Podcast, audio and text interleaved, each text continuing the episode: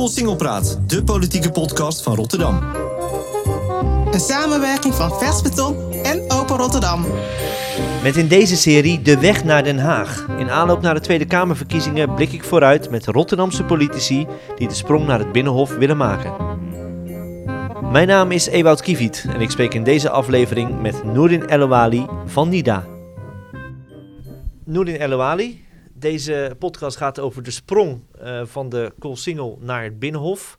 NIDA wil die gaan maken op dit moment. Ja. Gaat het lukken? Um, ja, die kans zit er dik in, denk ik wel, ja. Ja? Ja, het is, het is, het is een realistische sprong. Dan kijk ik naar peilingen en dan zie ik uh, Moet Volt, je niet doen. Niet Volt, ja 21. ja, Nieuwe niet- partijen die, het, die er wel in worden genoemd, Ja. maar jij niet. Nee, Ewout, weet je, niet, daar valt niet te peilen. En dat is gewoon eh, eh, helaas eh, ook evident gebleken uit het verleden. We zijn nog nooit gepeild.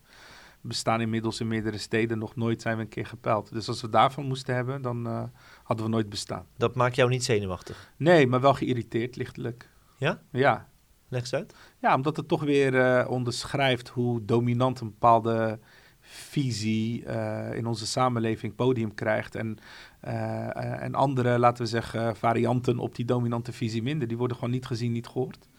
En eh, dat geldt voor eh, peilingsbureau, dat geldt voor eh, media, dat geldt in politieke zin zo. En dat maakt precies ehm, het bestaansrecht van NIDA en partijen als NIDA. Maar dan zeg je eigenlijk, die peilingen kloppen niet. Ja, maar dat is toch ook zo? Ik bedoel, die peilingen kloppen vaker niet. Laten we het hebben over de brexit of Trump. Of weet je, hoe, weet je peilingen zijn niet heilig hoor. Uiteindelijk is het ook gewoon, eh, eh, weet je, en dat is ook een beetje iets wat we ons moeten beseffen. Want als je mij vraagt wie is de meest machtige Nederlander op dit eh, moment... Dan, dan is dat zeker niet iemand als Rutte, maar eerder iemand als Maurice de Hond. Ja, op nog het steeds? Moment, ja, zeker. Op het moment, ja, of peilingbureaus, laat ik het zo zeggen. Op het moment dat zij zeggen 70% van Nederland vindt zus, dan zie je in het politiek spectrum 20 varianten van zus. En als het zo is, dan zie je 20 varianten van zo. Hmm. Dus dit is dus het populisme viert hoogtij. De onderbuik eh, eh, eh, wil, wil men graag bedienen. En de peilingsbureaus die, die, die, die geven richting aan, aan wat, wat vandaag in de mode is. Wat brengt bij jou de overtuiging dat jij wel een zetel gaat halen, als dat dus niet blijkt uit peiling? Nee, we zijn al zeven jaar bezig. Eh, we, we, zijn eh, eh, anders georganiseerd dan de meeste partijen. Heel erg grassroots. Ik heb een idee dat er een veenbrandje gaande is. We hebben in korte tijd hebben we, hebben we ook heel veel mensen weten te bereiken op onze manieren. Zonder gebruik te maken helaas van bijvoorbeeld massamedia. Maar dat is zowel online offline. We hebben een landelijk netwerk. van vrijwilligers, van organisaties die we de loop der jaren hebben opgebouwd, maar ook recent. Dus as we speak zijn er nu gewoon in verschillende steden mensen met hart en ziel aan het lopen voor NIDA. Brievenbussen vullen, eh eh canvassen, mensen spreken. eh, en dat doen we ook vaak, weet je, ook precies op die plekken waar, waar- waarvan wij denken dat zijn kansrijke gebieden. Hmm. Maar ook online. Online natuurlijk is het weer een kwestie van goed, goed je verhaal neerzetten. En ja, ook op de juiste manier adverteren, als ik heel eerlijk ben. Zodat je ook weer die mensen bereikt waarvan jij denkt dat die boodschap in vruchtbare aarde valt. Probeer je dan ook bijvoorbeeld via de moskeeën, dat, dat mensen op alles, vrijdag alles. gebed ja, eh, niet alleen horen, via de stem even op moskee. NIDA? Ja, het, is, het is corona, dus het is een iets andere tijd. Alles is een stuk leger. Maar we doen alles. Dus ja, ook moskeeën. Ook waar, eh, waar andere partijen staan, ja, daar staan wij ook. Eh, maar het is, het, is, het is niet alleen maar nu met verkiezingen. We zijn al zeven jaar aan het bouwen. En natuurlijk was eerst de focus Randstad, omdat we daar gewoon eh, geboren zijn en, eh, en meer actief. Dus nu is het ook de uitdaging om dat netwerk uit te breiden naar andere delen van ons land. Ja. En eh, dat is goed gelukt. Nu tref ik je op een woensdag ehm, en je zit eigenlijk tussen een paar debatten in. Ja, Word je wel veel uitgenodigd? Eh, minimaal, minimaal. Dit zijn allemaal ja, debatten, niet onbelangrijke debatten, maar als je het even afzet tegen, eh, tegen massa, bereik of massamedia, zijn dit misschien debatjes in de marge die misschien wel belangrijker zijn en interessanter vaak ook. Eh, ik heb bijvoorbeeld vanochtend een hele podcast gehad eh, bij Phoenix. Ik heb straks een, een heel mooi gesprek met wetenschappers die onderzoek doen naar de rol van religie in de politiek. En dat doe ik met een aantal partijen, zoals eh ChristenUnie en anderen. Het is een zeer interessant eh, onderwerp. Dat heb ik om, de, om drie uur zo meteen. Later op de dag heb ik in Pakhuis de Zwijger een onderwijsdebat. Dat is dan wel weer met eh, wat landelijke actoren. Er zijn, veel nieuwe partijen die het, die het proberen. Je noemde zelf bijvoorbeeld bij 1 al. Eh, Volt lijkt het ook wel ertussen te komen. Ja. Versplintering dreigt misschien een beetje in Den Haag. Is dat een probleem? Nee, zeker niet als je het historisch beschouwt. Weet je, kijk, een vitale democratie moet in staat zijn om zichzelf opnieuw vorm te geven. Als de bestaande partijen onvoldoende uh, nog recht kunnen doen aan de verschillende sentimenten die in politieke zin leven, ja, dan krijg je dat, uh, dat anderen gaan opstaan in de ruimte die ontstaat in politieke zin. En proberen die mensen te betrekken bij, bij onze de democratische stelsel. En dat is een heel goed iets. maar ook historisch beschouwd, zoals gezegd, zie je dat in de geschiedenis je misschien iets meer versplintering had. En dat bestaande partijen anno nu ook uit het verleden uit verschillende partijen bestonden. Neem iets als GroenLinks of, Ja. of het CDA, weet je. Die zijn opgegaan weer opgegaan. Dat waren in... ook Zie je dat voor Nida misschien ook voor je? Dat Ja, je een aantal zou- jaar je plek bevecht en dan uiteindelijk weer samen gaat. Het zou zomaar een golfbeweging kunnen zijn dat je misschien nu in een fase zit waar iets meer versplintering is, om het zo te noemen. En dat dat niet een probleem is. Het wordt wel geproblematiseerd, maar het is het niet. Het is gewoon een teken van een vitale democratie. En dat het op termijn inderdaad tot fusies kan leiden weer. En dat zou zomaar eh, eh, kunnen. Ik, eh, ik sluit dat niet uit op het moment dat je elkaar inhoudelijk vindt met anderen. Hm. En je kan de krachten bundelen om bepaalde zaken in dit land te kenteren, dan wel een andere richting op te duwen. Ja. Ja, dan is dat misschien wel een goed iets. Je ziet ook dat nu de gesprekken gaande zijn, zogenaamd tussen Jesse Klaver en, eh, en, en, de, en de linkse samenwerking. Of misschien veel verder gaand dat Partij van de Arbeid en GroenLinks misschien op een dag samen gaan. Wie zal het zeggen? Ja, met Ja. welke partij voel je de meeste affiniteit? Om Ehm, eventueel weer in op te gaan? Ja, dat zijn toch wel de partijen die nu een beetje aan het ontstaan zijn. De emancipatiebewegingen. Daar, daar, daar zitten zowel qua inhoud als qua achterban misschien wel de meeste raakvlakken. Eh, maar uiteindelijk zou de samenwerking eh, vooral ook inhoudelijk moeten geschieden. En moet je kijken welke partijen daar goed bij passen. Ik kan er wel wat meer noemen. Ja. Je wil geen partij noemen. Nee, eigenlijk niet. Zeker niet in deze fase, omdat je NIDA onmisbaar is. En eerst inderdaad je eigen plek bevechten om een heel duidelijk agenda ook op tafel te leggen. En daarmee ook invloed uit te oefenen op, op het totaal. Ja, ik, ik sprak in de vorige aflevering met eh, Salima Belhai. Zij zegt, echte emancipatie, dat is in het bestaande bestel. Ik wil niet weer in een zuil gestopt worden. Nou, dat is echt heel naïef gedacht en heel beperkt. Ik zie eh, Salima als, eh, als feminist ook een beetje. In ieder geval, zo ziet zij zichzelf ook uiteraard. Dan weet je gewoon dat als we leren van de geschiedenis, dat elk, laten we zeggen, elke groep die gemarginaliseerd, dan wel nog niet een gelijke positie heeft in de samenleving, altijd een fase heeft moeten doorlopen waarin ze eerst zichzelf organiseren. Of het nou gaat om feministen, die hebben zich moeten organiseren. Eerste golf, tweede golf. Zitten we, voordat ze op konden gaan in de massa. Als we het hebben over de katholieken op eigen bodem. Die hebben moeten profiteren van de verzuiling. Hun eigen instituten opzetten. Emanciperen. Voordat ze op kunnen gaan. Bijvoorbeeld nu wat je in andere vormen, CDA, et cetera. Eh, als het gaat om eh, de Afro-Amerikaanse emancipatie. Die moest eerst geschieden door één, eerst jezelf te organiseren. En zonder, ehm, ehm, eh, laten we zeggen, je te conformeren, een, een, een agenda op tafel te leggen. Eh, waar je de punten aangeeft die voor jou van belang zijn of voor een deel van de samenleving van belang zijn.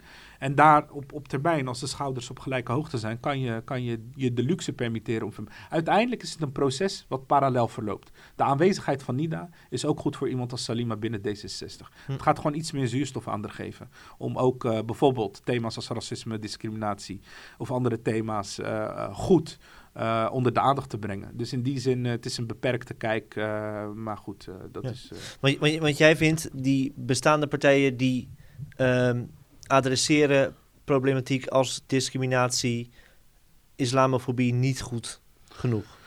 Absoluut. Ja, dat vind ik absoluut. Niet goed genoeg of helemaal niet. Ik bedoel, als we gewoon kijken naar D66, waar zij onderdeel van was, eh, eh, 2010, 2014. Kijk gewoon naar het programma van D66. Als het ging om eh, discriminatie, dan ging er alleen maar aandacht naar antisemitisme en homofobie, wat prima is. Maar voor heel veel andere vormen van discriminatie in deze samenleving, zoals afrofobie, hè, eh, anti-zwart racisme of anti-moslimracisme, totaal niet. Totaal nul. En dat is nu wel anders. En dat is echt niet dankzij Salima, maar eerder dankzij emancipatiebewegingen. Die, waardoor Salima nu ook weer beter haar best. be- dit is even heel erg toegespitst op haar. Mhm. eh, maar dat hoeft ook niet. ja. Dat hoeft niet, maar even in dit voorbeeld. Hoeveel mensen worden op dit moment niet gehoord en zouden wel door NIDA vertegenwoordigd kunnen worden? Nou, het gaat echt om duizenden. Ja? Ja, dat gaat echt om duizenden mensen. Eh, kijk, eh, dat zullen we na de verkiezingen zien. Eh, maar kijk, laat ik het gewoon even doen van wat bekend is. Toen wij voor het eerst meededen in Rotterdam, toen had je ook peilingen. En toen werd NIDA ook niet uitgenodigd voor debatten. Helemaal niet. Sterker nog, ja, wij gingen onze eigen debatten maar organiseren. Zeg maar parallel aan de, de, de gerenommeerde debatten. Ehm, en eh, uiteindelijk eh, eh, zou blijken dat duizenden Rotterdammers op ons hebben gestemd. En wat zou resulteren in twee zetels. Ja. Ja, dat zijn gewoon mensen die niet zijn gezien, niet Mhm. zijn gehoord. Op geen enkele manier niet. Dus, dus zo zie ik dat ook, denk ik, op iets grotere schaal als het gaat om landelijk. Dit is alleen maar een stad.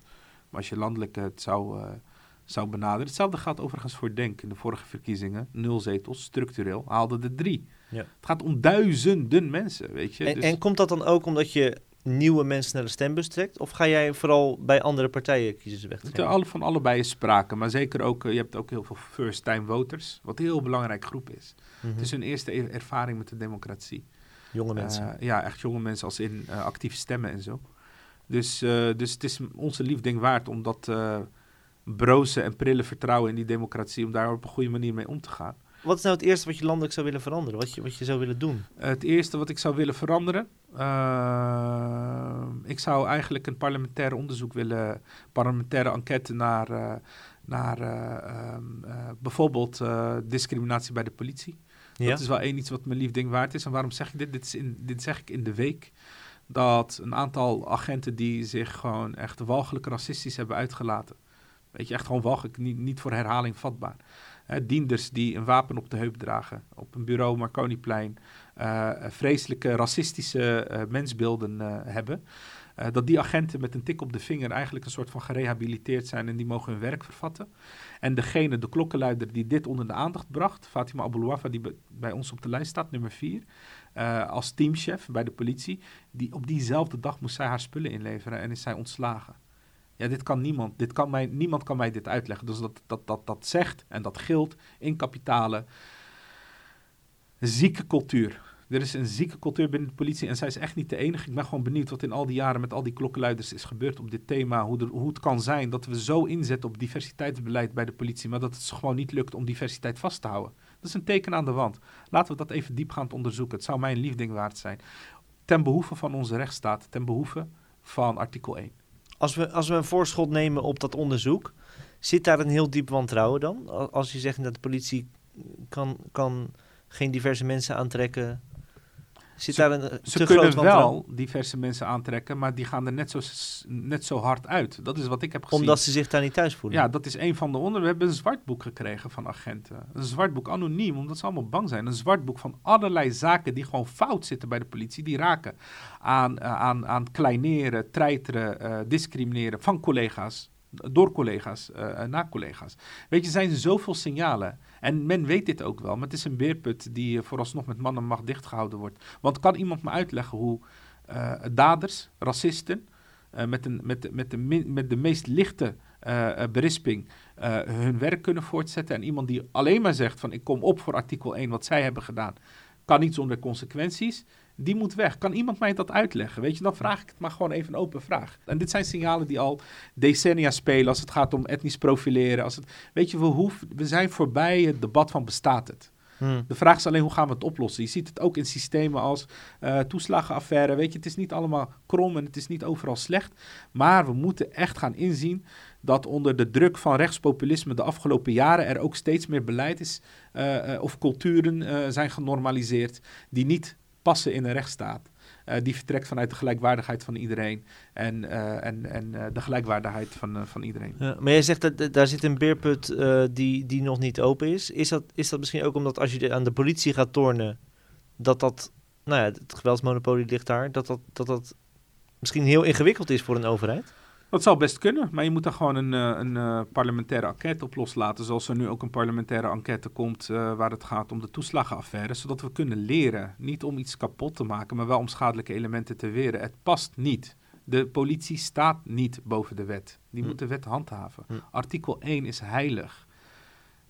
Ook voor de politie. Weet je? Dus, dus als dat niet klopt en als de politietop niet in staat is om dit soort zaken te corrigeren, eh, dan hebben we een serieus probleem. Je doet duizend stappen achteruit. Terwijl ik in dezelfde adem zeg, er zijn honderden, duizenden dienders die echt met de hart op de juiste plek gewoon hun werk doen, dag in dag uit. Ja. Soms hun leven op de schaal leggen eh, eh, eh, om, om gewoon het juiste te doen. Laat dat ook gezegd zijn. Ja.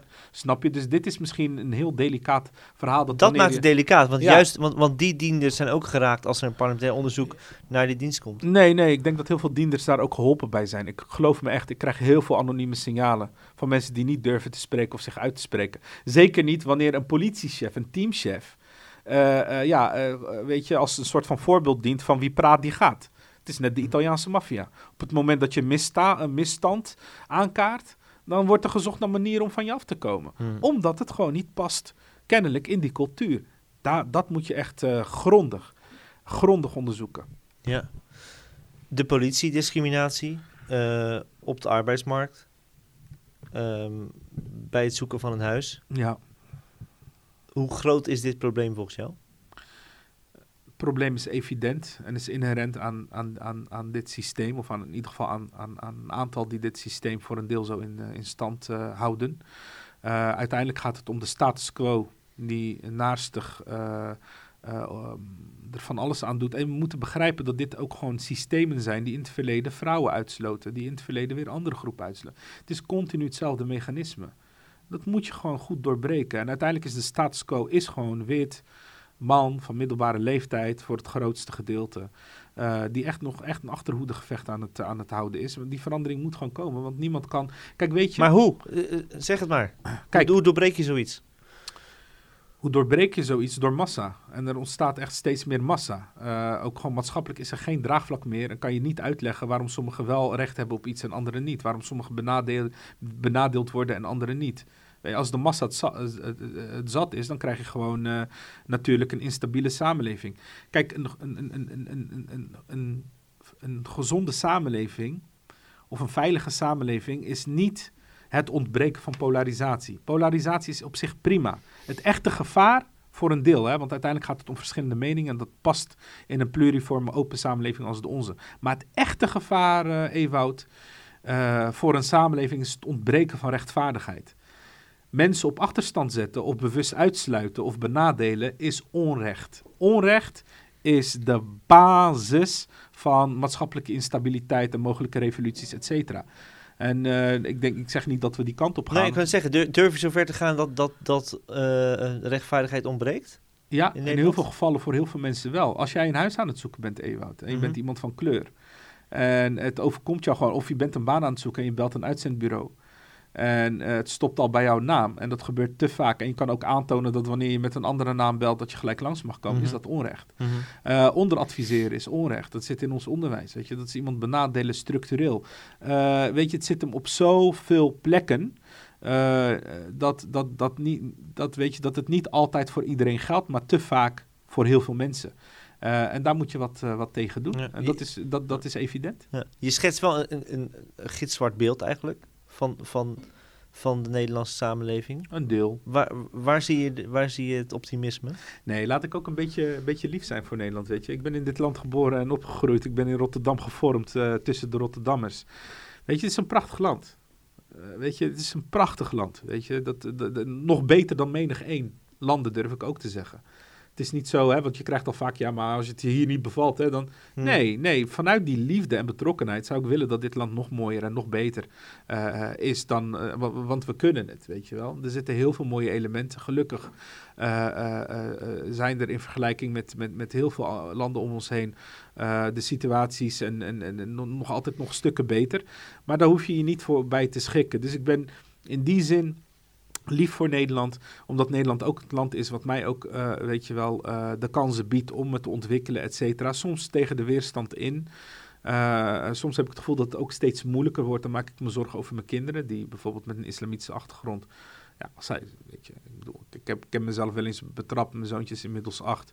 Dat wanneer hij naar de televisie kijkt en je staat er niet bij stil, wat er dan allemaal over islam en moslims wordt geroepen dat dat ja, best schadelijk kan zijn voor zijn zelfbeeld. Dus dan dat ik me echt haast om even... Kijk maar naar iets anders. Weet je, dus dat, ook dat is gewoon echt een ontwikkeling... wat we niet moeten verbloemen. En eh, ja, da- da- da- daar kan je heel pessimistisch van worden... maar pessimisme is- ligt niet in mijn aard. Eh, ik zeg altijd, pessimisme is voor zij die het zich kunnen veroorloven... en optimisme is voor zij die geen andere keus hebben. Ehm, eh, en ik behoor echt tot de tweede groep. Ik ben optimistisch van aard en ik heb ook gewoon geen andere keuze daarin. Je moet gewoon het beste maken van hier en nu. Ik trof je een maand geleden op het Binnenhof Ja. met een groep eh, NIDA-aanhangers. Een bord, eh 125.000 handtekeningen eh, onder een petitie om ja, blasfemie eigenlijk weer eh, strafbaar ja. te stellen. Of in ieder geval het beledigen van Mohammed. Ja. Ehm, die 125.000 mensen, ik kan me voorstellen, je hoopt dat die op jou gaan stemmen. Want dan ben je binnen in de Kamer. Is dat ook de, is dat ook de koers die je vaart? Om misschien meer nadruk op, op islam te leggen dan je misschien eerder deed bij NIDA? Nee, de, de samenleving legt nadruk op islam. Daar waar het gaat om die handtekeningen, hebben we gewoon kunnen zien hoe een volledige Kamer van links tot rechts, 125.000 mensen, die eh, eigenlijk de gang, eh, de democratische gang naar de volksvertegenwoordiging zoekt, volledig geproblematiseerd en genegeerd zijn. Eigenlijk omdat ze zeggen, we maken ons zorgen.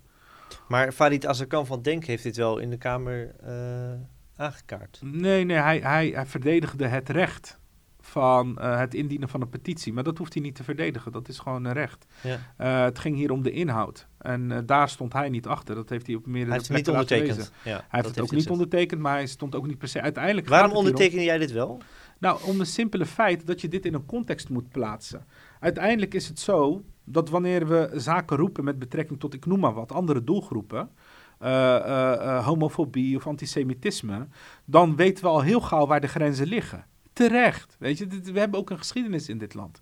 Vrijheid van meningsuiting is niet absoluut. Wij willen gewoon dat islamofobie niet genormaliseerd wordt, ook niet door politici. Op het moment dat je onnodig groepen op de ziel gaat trappen, die al reeds gemarginaliseerd zijn in een context van toenemend islamofobie en anti-moslimhaat, en gaat zeggen, ja, maar je moet maar alles moet maar kunnen. Zeg maar, nee, dat, dat, dat klopt gewoon niet en het is ook gewoon niet waar. Niet alles moet kunnen. Ook de vrijheid van meningsuiting kent bepaalde grenzen. En wie bepaalt de grens? Dat is uiteindelijk de rechter.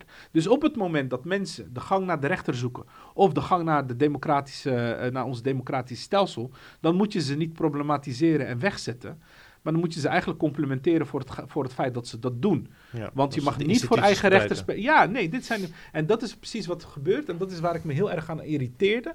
Je kan het niet aan anderen overlaten. Je moet daarin ook een eigen rol pakken. Ja. En eh, vanuit die overtuiging en visie eh, hebben we NIDA opgericht. En hebben we gezien dat we daarmee ook anderen inspireren. Het was na, na NIDA kwam Denk, na Denk kwam bijeen. Weet je, we waren daar gewoon voorlopers in. En ze hebben allemaal een functie. Dat is gewoon evident gebleken. En eh, Loop je nog steeds voorop? Eh, in welke zin? Nou, Denk zit nu al in de Kamer. Bij één eh, heeft het vier jaar geleden met artikel 1 ook geprobeerd. We lopen voorop in, in, in, in, in, in de zin dat Of ben je we... ingehaald? Nou, electoraal landelijk wel, maar we, de- we hebben landelijk nog nooit meegedaan. Maar als het gaat om, we zijn, kijk, er zijn we natuurlijk wel verschillen. NIDA is ontstaan, even in vergelijking met Denken bij één. NIDA is ontstaan op eigen kracht. Toen Hm. ik uit de politiek vertrok in Rotterdam, gaf ik mijn zetel netjes terug. Het was niet uit ru- ruzie of conflict. Het was uit overtuiging dat er iets parallel aan het bestaande nodig was. Ehm, eh, de overige partijen zijn allemaal ontstaan uit splitsingen. Denk is afgesplitst of uit de partij gezet door de Partij van de Arbeid. Bij één is uiteindelijk eh, eh, afgesplitst van Denk. Ja, of artikel 1 toen de tijd. Ja. Sylvana zat bij Ja, Denk. En is toen. Dus wij zijn de enige die één op eigen kracht. We zijn ook de enige die niet vanuit, maar die echt vanuit een, een visie opereren. Een islam geïnspireerde visie. Een vrij uitgewerkte visie ook. Eh, dus niet vanuit de onderbuik of vanuit, want ik geloof niet dat je populisme met populisme kunt bestrijden, maar er moet echt een visie tegenover. Ja. Nou, dat doen wij heel veel moeite om daar toch iets op, eh, Ja. op papier te zetten. Ja. Wat verder gaat dan alleen discriminatie. Zeker. Nee, Eh. want, want, heel even over die visie nog. Ik heb, jou, ik heb jouw verkiezingsprogramma ook gelezen. Dat is een goed doorvrocht werk met eh, eh, nou, echt een, een, een, een filosofie erachter eigenlijk. Hè?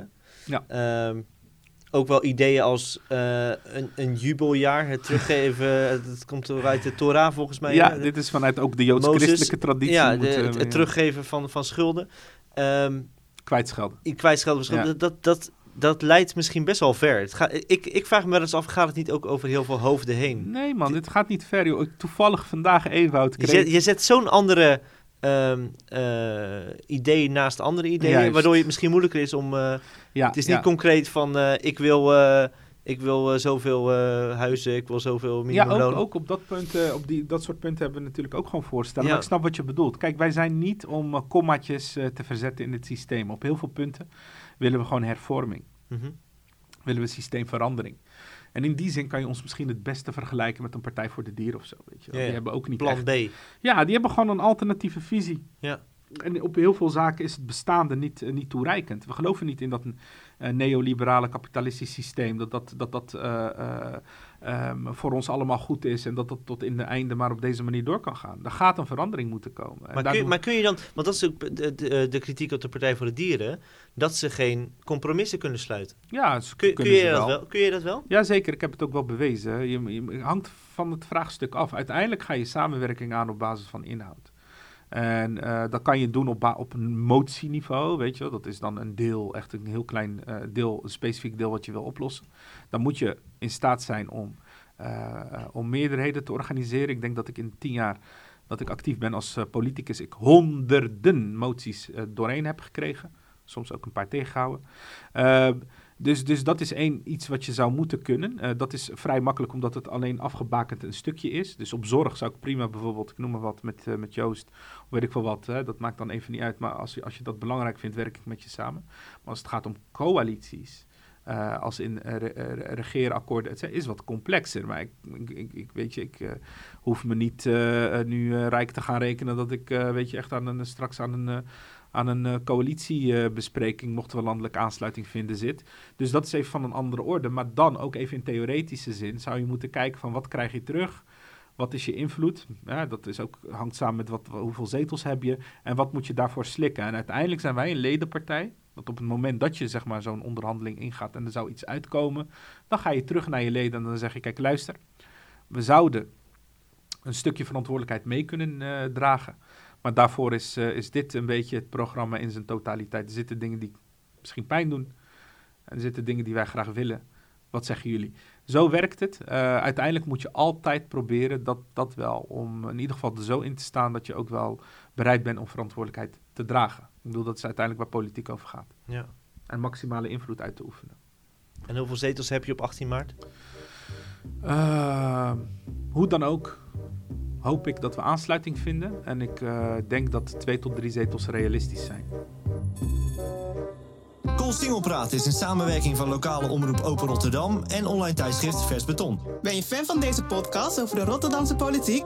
En wil je dat we dit kunnen blijven maken? Word dan supporter van Vers Beton, volg Open Rotterdam of deel deze podcast.